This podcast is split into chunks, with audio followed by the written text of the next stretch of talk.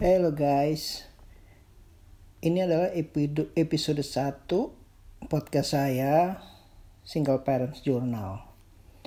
Episode ini kita mulai dengan apa yang saya sebut uh, breaking my silence. Mungkin saya mulai dengan menjawab pertanyaan, kok anak saya yang di bawah umur hak asuhnya bukan dipegang ibunya tapi dilimpahi ke saya, ayahnya. Ya, itu big question Begini, saya kan lebih dari 30 tahun nih jadi jurnalis dan penulis. Ya, sudah ribuan peristiwa dan cerita saya tulis dan saya share. Cerita sedih, bahagia, yang glory, ironi, testimoni, sampai gosip yang gak penting, sudah semua saya share. Sekali-sekali boleh dong cerita tentang peristiwa dalam hidup saya sendiri. Kenapa saya pilih cerita pengalaman jadi orang tua tunggal dari anak usia 7 tahun, namanya Dante Rai, karena ini saya anggap pengalaman hidup saya yang paling seru selain tentunya pengalaman menerbitkan majalah Playboy Indonesia yang membuat saya dipenjara 9 bulan karena dizolimi ormas-ormas hipokrit itu.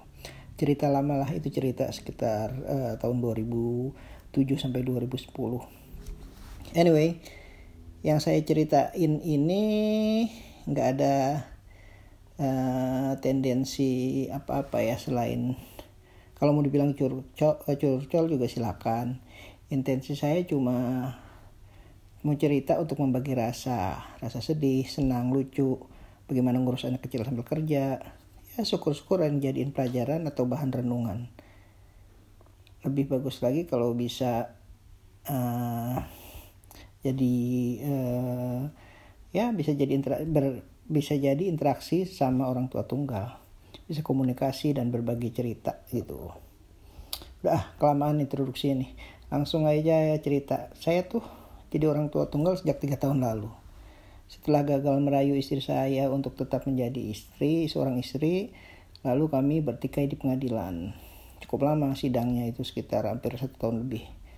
Sidang untuk memperbutkan hak asuh hak asuh anak saya yang waktu itu masih empat tahun. Masih di bawah umur banget Pendek cerita, kita bercerai tanpa damai. Ada beberapa hal yang jadi pertimbangan saya.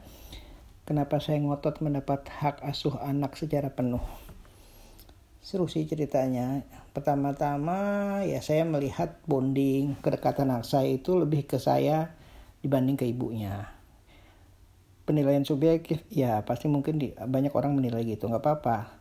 Tapi untuk berani menyatakan bahwa bonding saya dan anak saya itu lebih kuat karena saya punya parameternya pas sidang berjalan uh, sekitar dua bulan saya minta Kak Seto dan Lembaga Perlindungan Anak uh, yayasan yang di bawah bimbingan Pak Seto itu untuk mengadakan asesmen penilaian secara mendalam tentang hubungan Dante dengan orang tuanya. Tim psikolog Kak Seto tuh ngajak Dante ngobrol, cerita, main, bercanda tanpa saya. Satu hari satu harian gitu deh. Hasilnya asesmen mereka menyatakan bahwa Dante mau eh tinggal sama saya dia nggak mau sama ibunya. Hasil asesmen ini kemudian dikirim ke pengadilan untuk jadi materi kesaksian di depan hakim pengadilan. Itu salah satu yang membuat hakim memutuskan saya berhak atas hak asuh anak 100%. Terus yang tadi kan yang pertama tuh, yang kedua, kenapa saya ngotot ngotot mendapatkan hak asuh anak secara penuh? Itu sih karena ya mungkin ego saya sebagai laki-laki kali ya itu sih karena saya nggak mau mantan saya itu menang banyak. Ya saya bilang menang banyak. Dia kan udah bikin salah terus dia minta cerai. Saya tahan-tahan saya nggak mau cerai. Saya bilang udahlah jangan. Kita punya salah sama-sama kita maafkan kita jalan terus sebagai suami istri. Tapi dia tetap ngotot cerai. Ya akhirnya cerai. Dia dapat tuh yang dia mau. Eh terus minta satu lagi minta hak asuh minta anak diasuh bersama. Nah saya nggak mau. Saya fight abis-abisan biar dia nggak dapat masa dia mau dapat semua yang dia mau sih?